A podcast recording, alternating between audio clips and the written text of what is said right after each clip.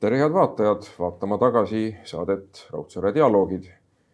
kahjuks me elame sõjas, kaheksandat päeva on toimunud Venemaa agressioon Ukraina vastu. see loomulikult mõjutab ka meie tänaseid vestluseid. oleme otse-eetris, te saate küsida oma küsimusi, saates need emailile raudsaare.dialoogid at postimees.ee.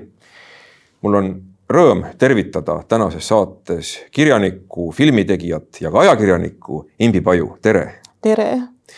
ja noh, milline erakorraline aeg on see, kus me praegu oleme, ma arvan, et eh, noorem põlvkond eh, ei mäleta niisugust olukorda. mina mäletan Eesti vabanemist ja ma arvan, et meist veel vanemad inimesed mäletavad, eh, kuidas toimus Teine maailmasõda. aga ma tahaksin alustada meie vestlust sellega, et me peame rääkima õigetest asjadest õigete nimedega. kui ma ei eksi, Boris Johnson, kes mõnda aega tagasi Suurbritannia peaminister, Boris Johnson, kes külat-, külastas mõni aeg tagasi ka Eestit, ütles, et praegusel ajastul, no see nüüd on vaba parafraas, see ei ole täpne tsitaat, et praegusele ajastule on vähemalt üks hea asi omane. kurja ja hea eristamine pole olnud tükk aega nõnda lihtne kui praegu absoluutselt, et, et selle ajalooga on ka nii, et see on nagu teraapia, et, et tegelikult me peame siin oma elukaarel, ajaloolisel elukaarel ringi vaatama, et kas minevik ongi minevik või, või see on midagi, millest me peame õppima või aru saama, mis meiega juhtub, sest me ei saa keegi öelda, et, et mina seda ei tee, näiteks mina, mina jään alati igas olukorras iseendaks. see on nii, aga aga kuri äh, mängib ka inimesi üksteise vastu. nii et äh, ma pean ütlema nii, et kõik need äh, noh, ma olen ka teinud neid, kirjutanud raamatuid ja filme, et kui ma alustasin kahe tuhande alguses või isegi varem võib-olla Soomes, siis ma mõtlesin, ma räägin välismaalastele. Ja tegelikult äh, nüüd, kui näiteks Tõrjutud mälestused, mu raamat äh, kaks tuhat üheksateist tuli uuesti eesti keeles välja. nüüd ma näen, et see noorem põlvkond vajab nagu sedasama, et ma ei, et need mu raamatud ei ole küüditamise raamatud, vaid ma, ma olen otsinud ise vastust kurjuse mustrile. Mis tähendab õigussüsteem, kui tuleb kuri õigussüsteem, kuidas see mõjutab meid, mis meiega juhtub, et äh, neid küsimusi esitada endale aeg-ajalt või et nad oleks meil, meil nagu. just ja seda Imbi Paju raamatut Tõrjutud mälestused eestikeelsena ma enda käes praegu hoian ja näitangi kaamerasse, nii et see on täiesti eesti keeles ka saadaval. mis on läinud rahvusvaheliseks bestselleriks, võib öelda nii. ja ta on ilmunud kõigepealt ka Soomes aastal kaks tuhat kuus, Torjutud muistot ja nagu selle raamatu saksakeelses ja ingliskeelses tõlkes on eessõnas öelnud ökonomisti e, ajakirjanik Edward Lukas, et see on raamat, e, mis räägib stalinistlikust terrorist, õigussüsteemi ja keelekasutuse muutmisest.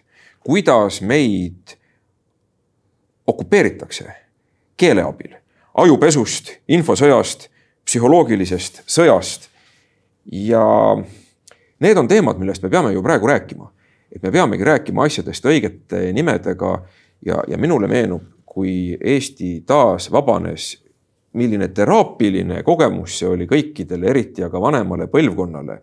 kui hakati värvima nii-öelda ajaloo valgeid laike, taas rääkima küüditamisest, rääkima Eesti Vabariigi okupeerimisest, massirepressioonidest ja kui ma vaatan tagantjärgi neid üheksakümnendate alguse saateid näiteks ERR-i kultuuri või seal arhiivist Eh, siis on huvitav ka see, et tollal rääkisid ka need inimesed, mm, kes olid olnud eh, näiteks hävituspataljonis või, või kuidagi selle Nõukogude süsteemiga seotud, et selliseid intervjuusid tuleb, mis on täiesti haruldased, et eh, kui mina hakkasin tegelema tõrjutud mälestustega, et mul tuli ju kõigepealt dokumentaalfilm Tõrjutud mälestused kaks tuhat viis, mis on ka läinud, ma olen sellega üle mitmel pool maailmas käinud jälle, jälle see mõtestamise küsimus, aga tookord äh, oli väga raske saada äh, kedagi äh, teiselt poolt saatesse, et ma sain Arnold Meri,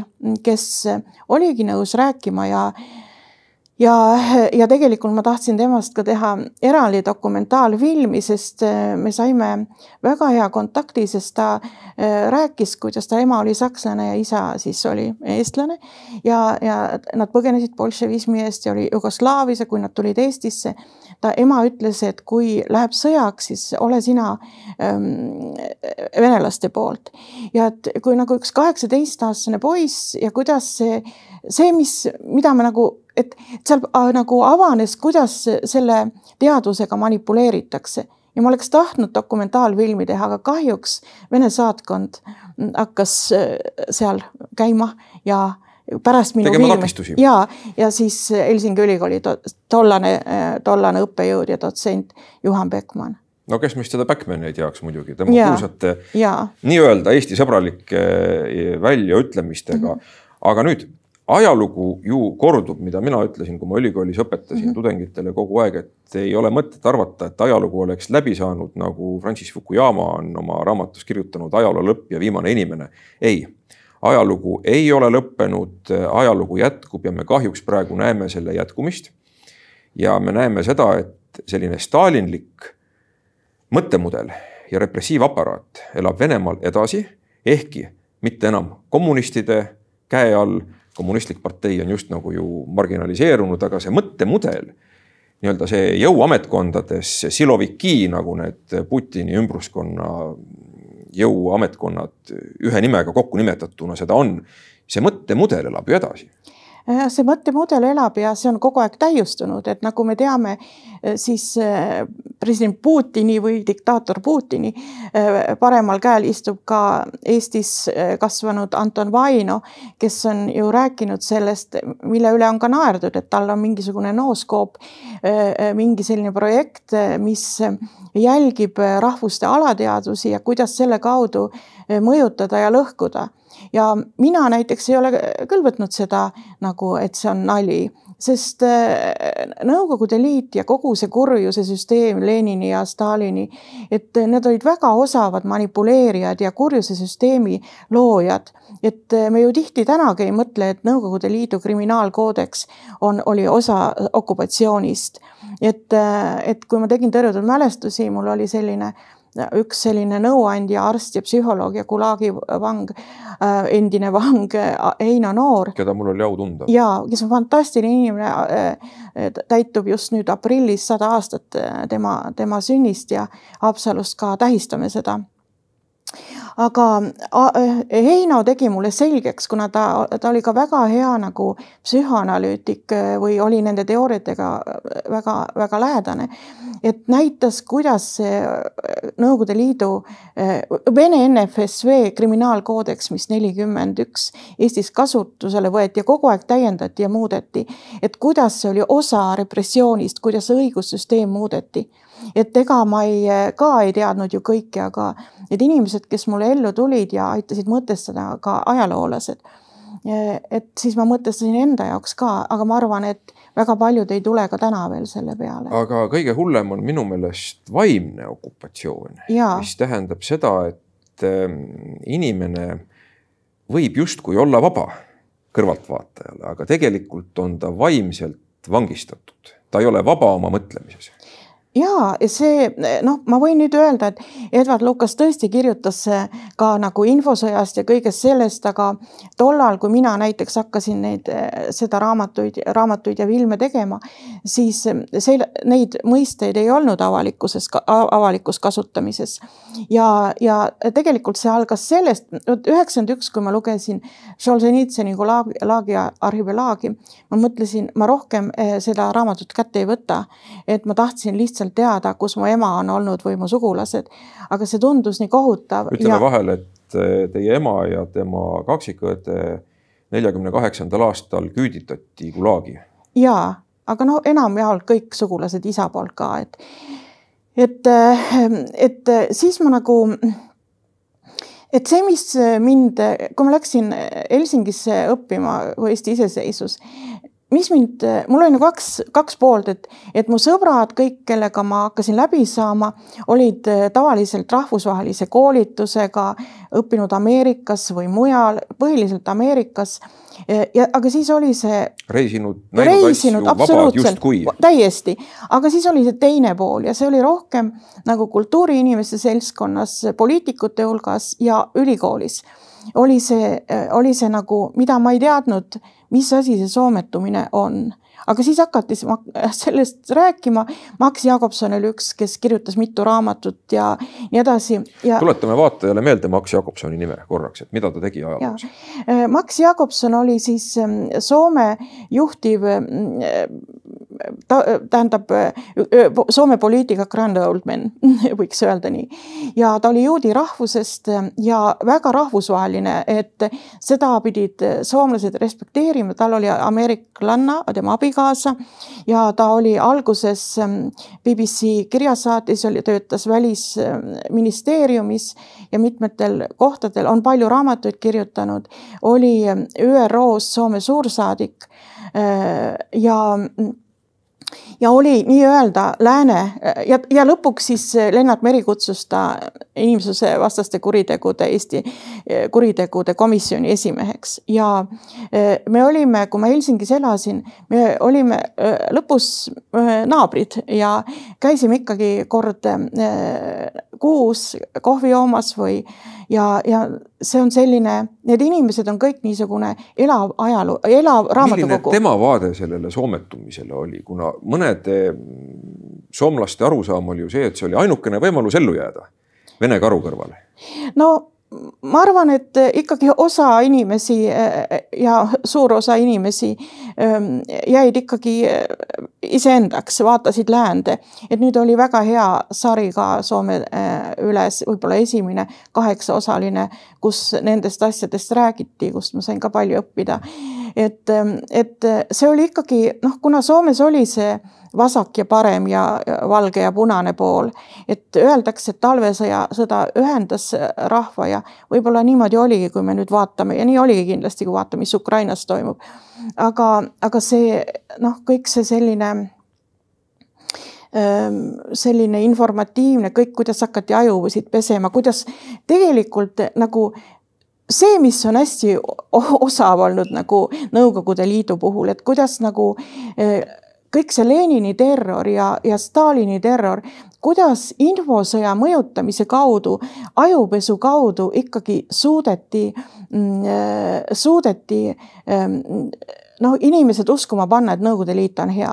Max Jakobson kuulus sellesse seltskonda Soomes, kes niimoodi ei rääkinud, aga muidugi soomlased on väga isamaalised ja, ja, ja ta oli ka väga tark, nii et ta ikkagi, kui ma vaatan mingeid vanemaid artikleid kuskilt ingliskeelset, siis ta noh, seisis Soome eest aga, aga noh, Soomel oli näiteks see, et Soomel on rootsi keel teine keel, et, et see oli ka nagu, et nendel oleks ikkagi nagu nabanöör sinna Skandinaaviasse et need on, ma arvan, kindlasti väga kohutavad, kohutavad mängud, aga Max Jakobson on kirjutanud oma raamatutes ja rääkis ka mulle, kui ta oli noor poiss ja, ja pärast sõda su, suurriigid olid koos ja, ja tehti mm. lepinguid. ta ei uskunud oma kõrvu, kui, kui ta kuulis, et Soome peab hakkama, väike Soome, kes oli ründeobjekt, eks ole, et ta peab hakkama venelastele maksma, et ta on sõjas nagu süüdi. ja maksti palju ja maksti ka ära. ja makstigi ära et see ebaõiglus, et see on tegelikult eh, väga suur trauma, aga mida soomlased on minu arvates väga hästi osanud teha, on see, et nad on võtnud oma kultuurist inimesi ja tõstnud need ka identiteedi osana eh, inimeste tavaliste inimeste teadvusse, et noh, näiteks mille üle uhke olla, et. Äh, kirjanikud. kirjanikud. ja kunstnikud mm, -hmm. et nad on äh, suutnud seda, et nad et kui sind koloniseeritakse, siis noh, inimesed tihti või hakatakse rääkima kolonisaatori keeles, aga aga see toimus ka, et see vabatahtlik soometumine, eriti nagu vasakpoolsed, see on ka nagu huvitav nähtus, et soomlased peavad sellega tegelema. Ja, ja ma ei tea, ma loodan, et nüüd hakatakse tegelema sellepärast, et, et see on selline relv. Et, et mõned soomlased ütlevad, et see oli nagu menulugu, aga, aga see oli Nõukogude Liidu relv demoraliseerida soomlasi. Ja ega ei demoraliseeritud noh, lihtsalt, et see Soome näide siin piiri peal, kõik ju ka poliitikud teadsid, millises, et see ei olnud ju iseenesestmõistetav, et mhm. Soome jääb iseseisvaks, aga Max Jakobson öö, oma öö, isiksusega ja oma ikkagi on olnud niisugune Soome öö, visiitkaart kuigi jälle ma pean ütlema, et üks mu Soome filmitegija soovis temast dokumentaalfilmi teha ja ta ei saanud riigilt selleks raha, et, et siis. milliselt riigilt? Soome riigilt. Soome riigilt, jah. et, et seal, kus on see vasakpoolne mõtlemine eh, selline, seal on ikkagi Max Jakobson parempoolne ja need, need hoiakud on kuskil hästi tugevalt sees, et ma mäletan, kui mina hakkasin rääkima äh, nendest laagritest ja nii edasi, siis mulle üks eh, kursusekaaslane ütles, kas sa oled kas sa oled äärmus parempoolne ja mina ei teadnud, mida see tähendab ja ma küsin, mida see tähendab sest no,. mida see tema arvates tähendas, see, et me tunnistame stalinlikke repressioone, see tähendab, et, oli, et inimene on äärmus parempoolne. ja, ja et see on nagu fašism, et mm. see, see nagu ja, ja tegelikult need asjad, need hoiakud on ju eh, vormusid ka infosõja osaks Eesti ja Soome vahel. tänapäevaseks infosõja osaks, miks me sellest kõigest räägime? Me räägimegi seda sellepärast kahel põhjusel. esiteks, ma mäletan, kui Eesti taas iseseisvus mm -hmm. ja kui palju meil oli toetust Soome ja Rootsi ja. rahva seast. aga ametlikud kanalid, valitsused olid äärmiselt passiivsed, kui nüüd nii kasutades russitsismi mm -hmm. pehmelt väljendada mm. -hmm pigem isegi vaenulikud Eesti iseseisvuse liikumise vastu. ja teine põhjus, miks me sellest räägime, on see, et need mudelid selline vaimne sandistamine, stalinlik vaimne sandistamine käib ju Ukraina suunal praegu täie hooga. ning kusjuures selle ohvriks ei ole langenud mitte niivõrd ukrainlased, kes on saavutanud oma vaimse iseseisvuse praegu ja see ongi nende vabadussõda, mis toimub. aga vaimult on nad vabad juba ammu. vaid see on tabanud mõningaid lääneriike, kes nüüd just nagu ärkavad sellest nõidusunest ja alles vaatavad, et kus nende käed ja jalad on no ja kahjuks, et isegi meie naabrite juures ma mäletan, eh, tegelikult ma hakkasin täna enne siia saatesse tulema, eh, vaatama tagantjärgi eh, ka nagu enda tegevust kaarel või elukaarel mm, noh, millele, millele me reageerisime, kuidas see infosõda toimis, miks me hakkasime raamatuid tegema või ma hakkasin või üks raamat on koos Sofi Oksaneniga, Kõige taga on hirm, et need ei ole tollal ma arvasin, need on juhuslikud, et tegelikult eh, mida ma ei tajunud Soome õppima minnes, et see on eh, see eh, Dostojevskil on raamat Sortsid, eks ole, kurjad vaimud mm. -hmm ma ei teadnud, et kurjad vaimud on olemas, et ma ei teadnud, et ka Eesti-Soome vahel eh, selline endine Nõukogude Liit ei olnud kokku kukkunud, oli ametnikke, kes olid lihtsalt vahetanud oma positsioone ja, ja, ja et see soometumine ei ole ainult see, et sa, et seal sees soometuti, vaid, vaid eh, tuhat üheksasada üheksakümmend seitse intervjueerisin Oleg Gordjevskit kes oli siis noh, täna on ta kirjanik või, või võib-olla peidus, aga ta oli siis spioneeris inglastele ja venelastele ja siis võeti venelased kinni ja siis inglased ostsid ta vabaks. Ja üheksakümmend seitse ilmus tal raamat Pime mäng pime peegel ja kus ta tõi esile äh, nende soomlaste äh, poliitikute koostöö KGB-ga.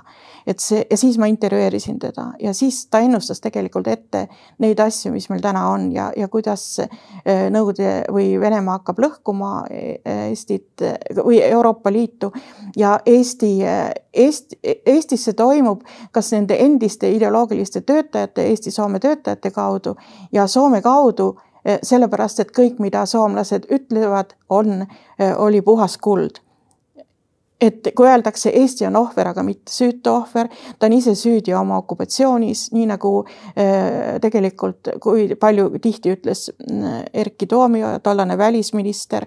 Äh, nüüd on Soome meedias olnud lähimatel päevadel ju esile tõstetud konfliktid näiteks just eriti Erkki Toomio ja Mart, Tarja Halonen ja Ilvese vahel, sest see üks Soome diplomaat ütles mulle kunagi, et Ilvese nime ei tohi Soome välisministeeriumis nimetada, et see on nagu punane rätt.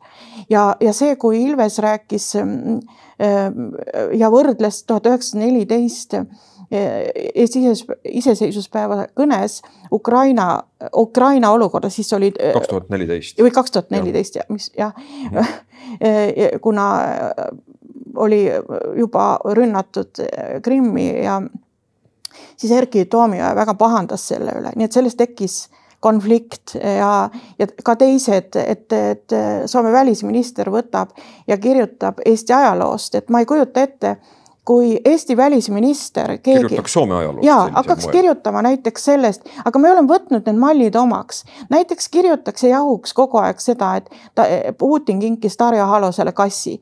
et äh, nii nagu praegu räägitakse, aga Stalin kinkis äh, Laidonerile valge hobuse ja need asjad ei ole nii või, või kui ma nüüd hiljuti lugesin ühte ajalooraamatut, kus jälle korratakse seda vana müüti, et, et, et kuidas eestlased müüsid siis kolmekümnendatel relvastust.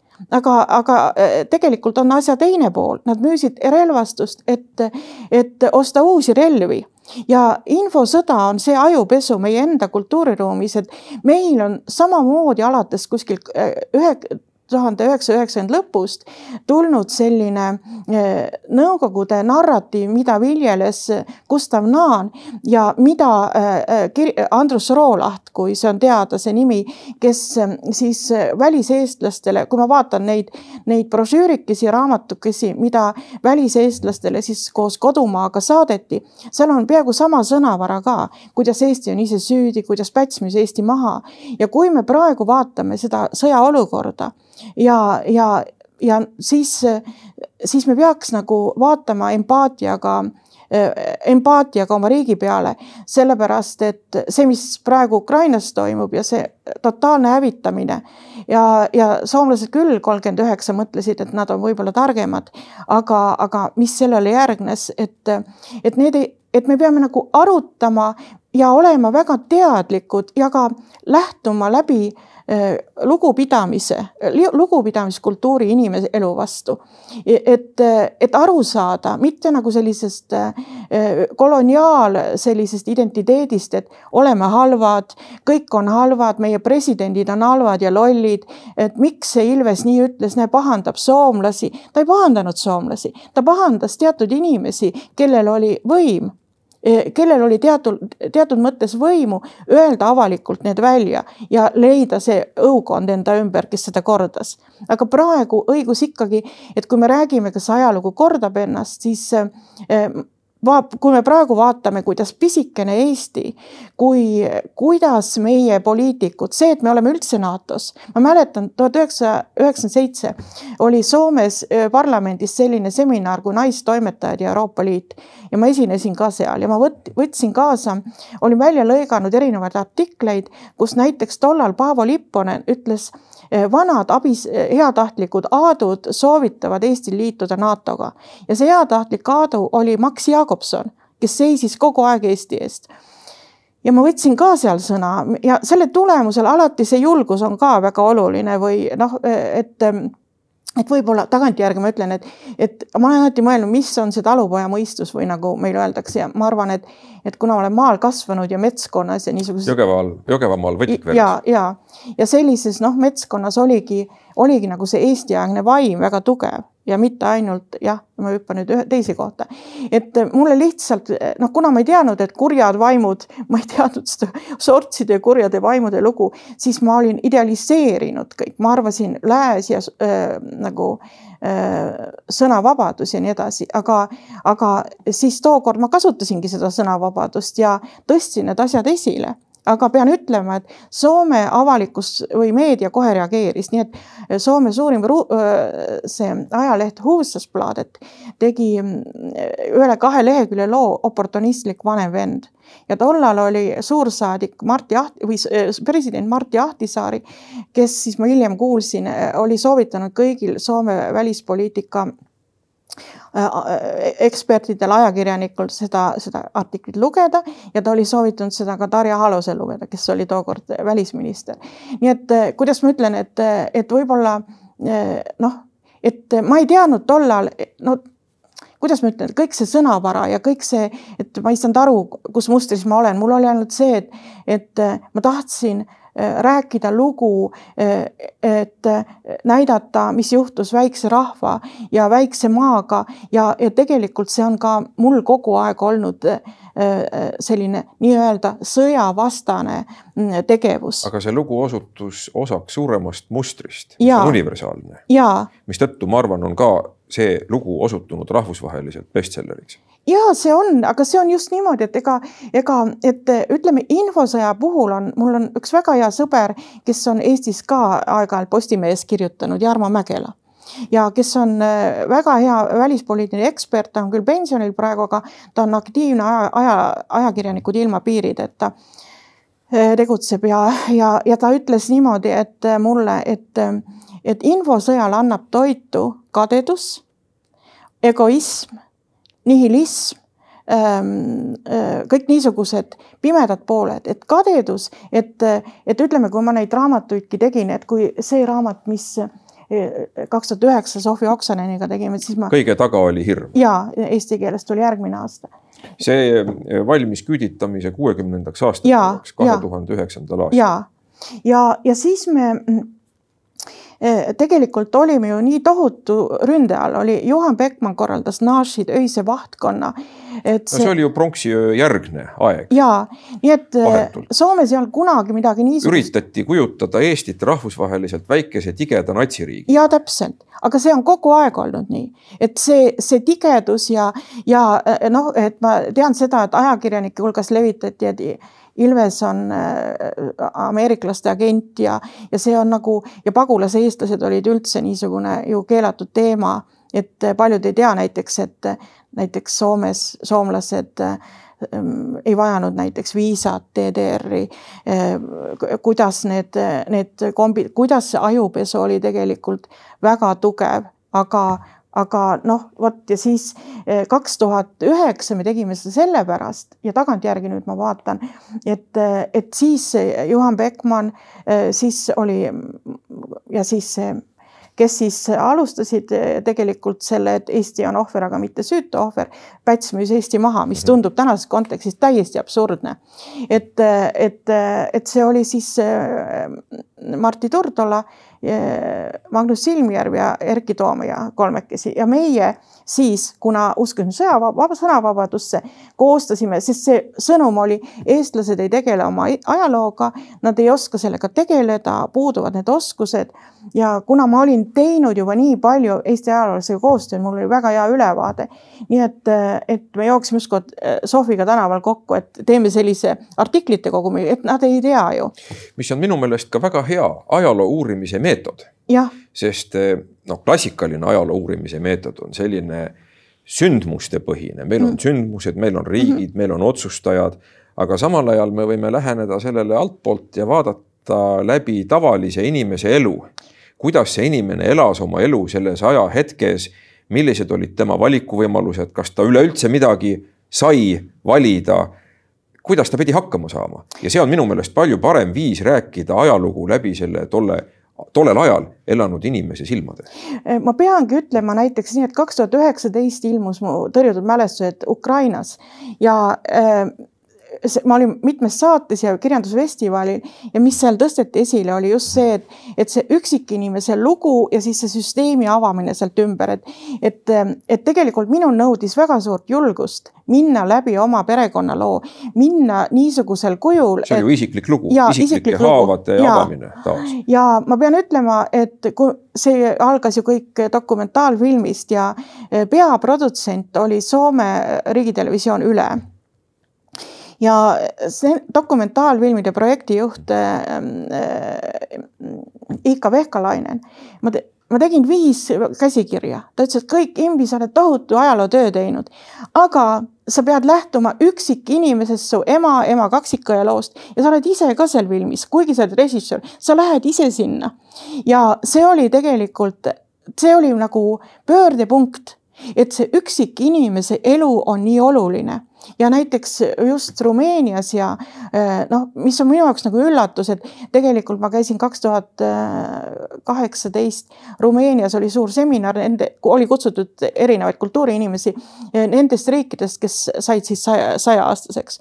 ja ma kinkisin ühele, kes oli mul seal abistaja või abiline seal Teaduste Akadeemias, ma arvan, et see on üliõpilane, aga tema oli tegelikult juba kirjandusdoktor ja kinkisin talle oma ingliskeelse mm, raamatu Tõrjutud mälestuse ja tema helistab mulle tagasi selline õrn tüdruk ja ütleb, ma olen nii vapustatud, ma tahan selle kohe rumeenia keelde tõlkida, et siin on see üksik inimene ja süsteemi avamine. Ja ta tõlkiski läbi inglise keele ja, ja Ukrainas oli sama, et ma kinkisin seal Vilniuse raamatumessil venekeelse raamatu Ukraina kirjanikule.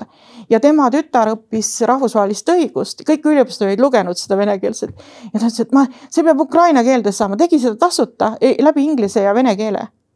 Ja ma ja. arvan, et see on see pehme jõud, millest me räägime, see on see, mis aitab inimestel mentaalselt vabaneda. Ja me näeme, ukrainlased on vabanenud viimase kümnekonna aasta jooksul vaimselt. ja see on faktor, millega Putin ei suutnud arvestada. aga nüüd on minu küsimus see, mis aitaks vabastada venelasi Venemaal? Mm, no ma pean ütlema niimoodi, et eh, mu isiklik Venemaa on pikka aega olnud, et ma ei jaksa seda propagandat ja seda nii jälgida, et seda jälgivad siis teised eksperdid. Eh, Raul Rebane või oskab öelda, aga, aga mul on mõned sõbrad ja ma olen, eh, kellega nüüd ma ei saa temaga kontakt, kontakti, et ma ei tea. aga ma jälgin kõiki neid niisuguseid alternatiivseid intellektuaalseid meediaid ja see, kuidas nad analüüsivad ja, ja minu meelest need on parimad analüüsid, parimad kui eh, mida ma olen lugenud eh, eh, ütleme lääne analüütikutelt, sest nad võtavad kõige paremad lääne filosoofid või vähemalt nüüd see minu sõber, kes ma ei hakka nime nimetama igaks juhuks, kes teab, mis, mis ajad on. aga näiteks kasvõi ja ma saan nii palju jõudu ja see on nagu, on võtnud minu Venemaa hirmu ära. aga kuigi ma praegu, ma olen nii mures nendel vabalt mõtlevate inimeste pärast, kes seal on ja näiteks, mis ähm, minu sõber tõi esile näiteks infosõjas, et kuidas hakati keelt muutma, et see selline keel, selline nõukogude ajal, mis oli köögilaua taga, kus siis sõimati süsteemi ja nii edasi, sest see oli siis nagu niisugune passiivne vastupanu või selline viha ja siis oli ametlik keel, mis oli siis kontrollitud ja, ja. no me võime tuua ühe näite, mis on kindlasti mm. vaatajatele arusaadav, et Eh, meedial eh, on keelatud Venemaal rääkida sõjast Ukrainas, vaid räägitakse mingisugusest piiratud operatsioonist. ja mõnikord ka terrorivastasest operatsioonist, et eh, see on selline noh, mida Lotman kindlasti, kadunud Lotman väga hästi oskaks meile seletada.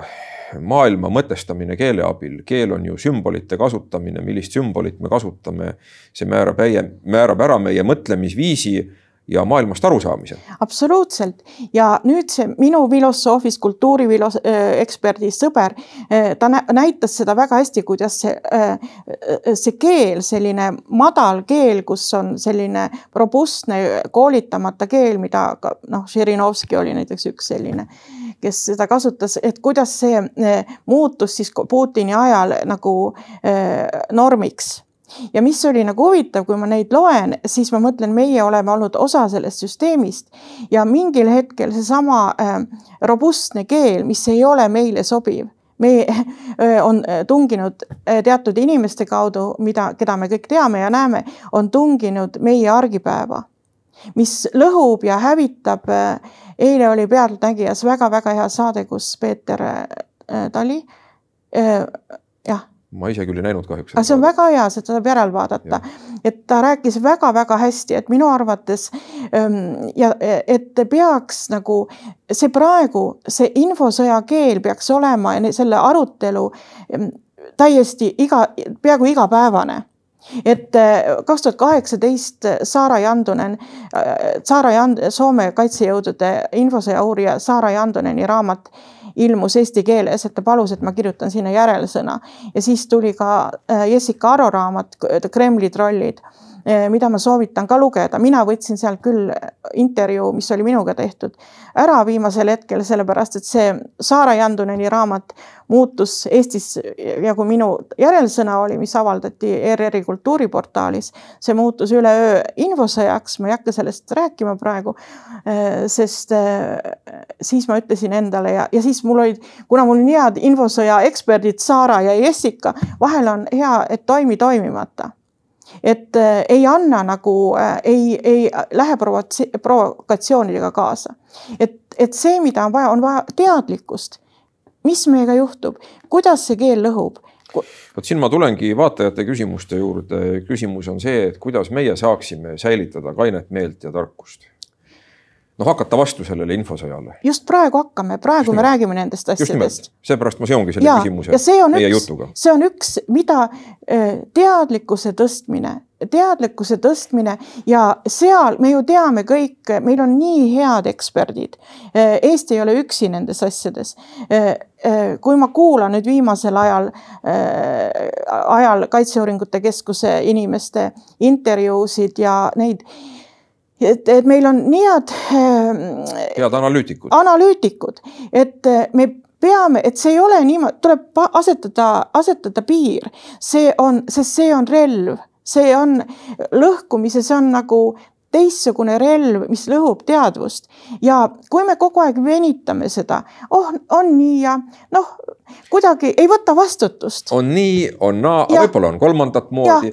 see on see asi, me läheme tagasi vanade kreeklaste aega, kui olid need sofistid, kes ringi maad rändasid ja õpetasid inimesi kohtus esinema, neid ei huvitanud moraalsus, neid ei huvitanud tõde Nad ütlesid, et eh, kõneosav inimene suudab ennast kohtus kaitsta, raha eest nad õpetasid inimesi rääkima musta valgeks. Ja sellele tuli ju vastu see klassikaline eh, Ateena koolkond, eh, Sokrates, Aristoteles, vabandust, selles järjekorras Sokrates, Platon, Aristoteles, kes rääkisid sellest, et tõde on olemas. Ja ehkki me ei pruugi selleni jõuda, me peame selle poole kogu aeg liikuma. Ja tõe jõudmiseni, tõeni jõudmiseni üks väga oluline moment on see, et me peame rääkima asjadest õigesti, terminid peavad olema täpsed ja sellel tegelikult ju tugines kogu teadusliku mõtteviisi areng üleüldse, teadus tänu sellele sai olla. mitte, et mulle tundub nii, äkki on nii, äkki on naa, ei. konkreetne defineeritud termin, katse peab olema korratav absoluutselt ja see on nii ja need, need meie eksperdid, et praegu viimasel ajal on suurepäraseid intervjuusid, sa näed, kuidas vähemalt välispoliitiliselt on nagu kõrgetasemeliselt, mm. kuidas meie inimesed esinevad mitte ainult kodus, vaid ka rahvusvaheliselt. ja, ja üks asi, mis on veel, et selle infosõja käigus, kus hakati rääkima, Eesti on ohver, mitte süütu ohver, Eesti on ise süüdi oma okupatsioonis, kas see ei ole no et, et praegu ju põhimõtteliselt nagu nagu president Pätsi nimi oli ju noh, nagu tõeliselt põlu all. aga kui me ei tunne oma ajalugu, kui me ei tunne oma kultuuri, kui me ei väärtusta seda, kui, kui näiteks ühe väga, ühe koha näiteks, kui ma, kui ma loen sellist, et mu isa on Palamuselt pärit, et Palamuse gümnaasium tahab kaotada gümnaasiumi, siis ma mõtlen aga, aga seal on, äh, seal on nii võimsad nagu need kultuurihoovused. kultuurikiht on niivõrd paks. ja et kasutage koolis kirjandus, film, ka keskkond, et äh, kui on nagu, kui sul ei ole seda oma riigitunnet siis on üks asi, siis, äh, siis toimetaja küsib president Kaljulaidilt, ma näen, olen seda nüüd hiljuti nägin ühte intervjuud, küsib, et aga no aga mida te tahate, kas te ei võiks mujale minna, et seal saab palju suuremat palka kui kõik on mõõdetud rahaga ja kui ei ole missioonitunnet, ukrainlastel on missioonitunne, nad on valmis kõigest loobuma. kui sa ütled, ta on sellepärast seal, et ta saab suuremat palka. kui öelda, et e, vaata, milline äh, varas on president Ilves, siis me, siis see kõik, siis me ei näe, kui tohutu äh, selline äh, nagu kapital on ehitatud lääne suunas ka meie presidentide poolt praegu kõik, kõik on, kõik on väljas rahvusvaheliselt. mulle tuleb meelde üks episood, mida kirjeldas oma memuaarides kadunud Tartumaa praost Harald Tammur mm, -hmm. kes istus tõesti vangis sisuliselt iga võimu ajal. panid sakslased ta kinni, panid punavõimud ta kinni ja oligi nii, et kui ta oli Saksa vangilaagris ja ta oli raskelt haige ka ja ta tahtis minna tualetti, oli seal üks valvur, kes ähvardas ta maha lasta mm. -hmm. ja ta vastas talle kantsekaal, mis tähendab, et mul ükskõik mm. -hmm. ja valvur küsib, et oo, kuidas te nii head saksa keelt räägite? ta ütles mm, -hmm. ma olen õppinud teoloogiat. kas tõesti, küsis valvur. Te olete teoloog ja te istute praegu siin vangilaagris, miks? kas te olete kommunist ja ise, ise, ise vaimulik? ei, ma olen rahvuslane, vastas Tammar. noh, meie omad teevad ka lollusi ütles selle peale valvur ja siis talle anti lisasüüa ja sellepärast, et meie näiteks, mis ma näen, et meie kultuuri sees on nii võimsaid inimesi, kes kasvõi näiteks me ei taju seda, mida tähendas Rahvuskomitee nelikümmend neli. asjadest tuleb rääkida õigete nimedega. absoluutselt ja tegelikult on ka nende järglased, väga võimsad järglased elavad veel meie keskel ja, ja mul on au nii ühe kui teisega praegu uue projekti, raamatuprojekti juures koostööd teha. ja ma lihtsalt olen iga päev nii tänulik ja õnnelik, õnnelik, et need inimesed on, et see meie noh, et me peame seda nagu, nagu Lennart Meri äh, ütles äh, alguses, kui Eesti iseseisvus ei saadud aru täpselt võib-olla läänes, siis ta ütles, teate, Euroopa Liit või Euroopa lõpeb või algab Eestis, sest siin on Puhtu poolsaarel on ma, maailma vanim Schilleri monument. monument. ja need väiksed detailid, kuidas me tõstame, me ei, see ei ole niimoodi, et me peame kõik üksteisele meeldima, see ei ole, me oleme erinevad inimesed, aga me peame nägema seda suurt, mis on meile ühine hea no siis muud asjad on kõik äh, kokkulepe või, või me saame nagu selline pidev vigade otsimine või sildistamine, see on sovjetism. aga kuhu, mõni võib ju küsida kohe, et kui me räägime asjadest õigete nimedega, kuidas me eristame seda ja sildistamist? ja aga siis, mida rumalam inimene, seda lihtsam on, ta läheb sellega kaasa, kui sa oled rumal, sa ei tea, siis iga silt, iga eelarvamus, see on ka meie koloniaalpärand, et KGB esimene reegel oli loo eelarvamusel, inimesel on sellest raske vabaneda. et aga mida, mida tähendab see piiri sa asetad niimoodi, et sa, sa oled teadlik sa teed ka rahvana endaga tööd, et selles mõttes on soomlastelt midagi õppida, et nad tegelikult isegi, eh, nad esimene reaktsioon, et on seda, mida ma näen, on, et sa taha, oled omade poolt me peame jõudma selleni, et me oleme omade poolt, mitte niimoodi, et, et mida ma olen nagu Soomes ka näinud, et, et kui keegi ütleb äh, presidenti kasvõi no nüüd ma toon selle Ilvese näite, kuna ta on nüüd Soomes olnud esile just sellisena nagu, et, et tal oli õigus. aga ma olen näinud lavalt, kuidas meie teine ekspert ütleb, hakkab pilkama suure publiku ees meie presidenti. nii ei tehta, see on käitumisreeglite rikkumine, see on, see on nii peen asi et väärikas inimene, et muidugi see on, et, et mina siin nimetan ka nimesid, aga kui sul eh, üks Venemaal ilmus aastaid tagasi üks ilm, eh, üks uurimus, eh, kus tuli välja, et Nõukogude inimene ei tee vahet hästi heal ja halval. mis on hea ja mis on halb. ja ma pean ütlema, et mul on endal olnud selliseid asju, kus selle raamatu tegemiste ajal või ilmumiste ajal, et kui keegi on käitunud halvasti, ma olen pidanud nagu kirjutama endale päevikusse, mhm. sest et ma ei hakkaks ennast süüdistama. et, et ma teeks vahet, et see on pahatahtlikkus, sest ma olen püüdnud kõigi oma teadmiste, lugupidamise, mm, läbi lugupidamise kirjutada parimaid raamatuid, mida ma olen olnud võimeline tegema. et, et, et sa ei lase endale silti peale panna. et see, see on üks infosõda vahend, aga see ei ole nii, et see toimub üleöö, vaid see on see inimlik kasvamine. piis, piisahaaval, eks ole. jaa, aga meil on praegu vähe aega ja me peame mobiliseeruma täpselt samuti nagu ukrainlased praegu teevad ja kõige parem on kõige paremate ekspertidega saated see on üks variant ja seal, kus on, me ju teame, millised on infosõja kanalid, need on meie hulgas, need on täna, õnneks häkkerid on mõned kinni pannud. et, et et, et me saame, mina, mina ka ei, ei ole see kõige parem, mul on lihtsalt mingid isiklikud kogemused ja, aga ma pean ütlema, et ma ei oleks suutnud eh, oma raamatutega minna rahvusvaheliselt ilma mingi suurema toeta, mul oli ikkagi alguses Soome kirjastuste tugi.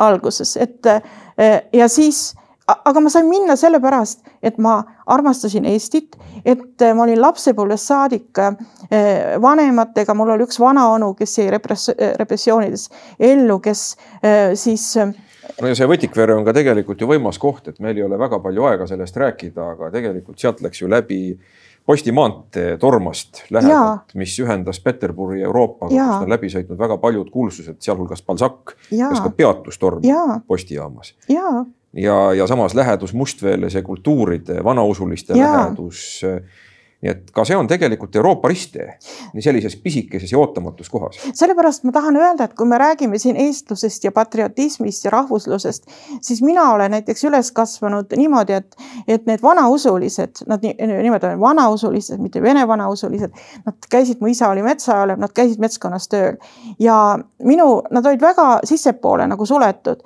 aga minu vanemad, nad, neid kutsuti ka nende sünnipäevadele ja seal oli väga tugev Eesti patriotism. tähendab, ma olen kasvanud selles, selles keskkonnas, kus, kus inimesed teadsid, mis oli manifest Eestimaa rahvastele, et see ei ole, see ei ole nagu tõesti need vanad inimesed, keda ma, keda ma siis kuulsin või nägin, et, et need rahvad, et ka venelased olid Eesti patrioodid, ka nemad pidasid ennast, need, need vanausulised, keda ma lapsena nägin et, et me peaks nagu need asjad ikkagi üle vaatama ja, ja väärtustama või ma olen püüdnud ise seda teha nagu samm-sammult, aga me vajame ka üksteise toe, tuge ja õlatunnet ja missiooni.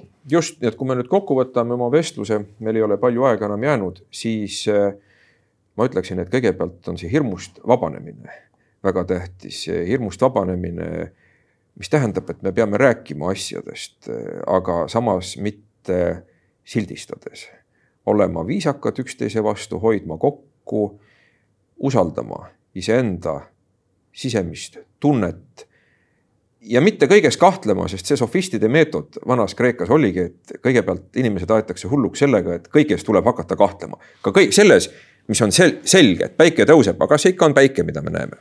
nii et tuleb olla kindel endas ja ma teeks ka võib-olla, vaataks selle halduspoliitika üle, et on väga kurb, et gümnaasiume kaotatakse maakohtades, just nendes väekohtades, kus mina nagu vaatan, et oi-oi, seal on nii võimas kultuur, et kuidas see siduda nagu selle kohaliku identiteediga, sest tänapäeval ei ole nii, et kõik tahavad Tallinnas või Tartus elada, et me tahame ka elada teistes ilusates Eesti kohtades ja luua seal oma perekondi ja kodusid ja nii edasi.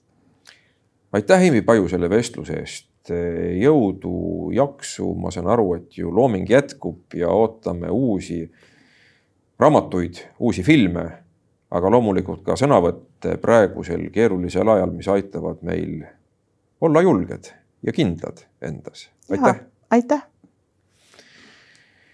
selline oli meie tänane Raudsaare dialoogide saade ja loomulikult soovime mõttes kõike paremat Ukrainasse, et seal inimesed peaksid vastu nendes oludes, mis on. ja me ei kahtle selles, et nad peavad, aga kohtume nädala pärast. thank you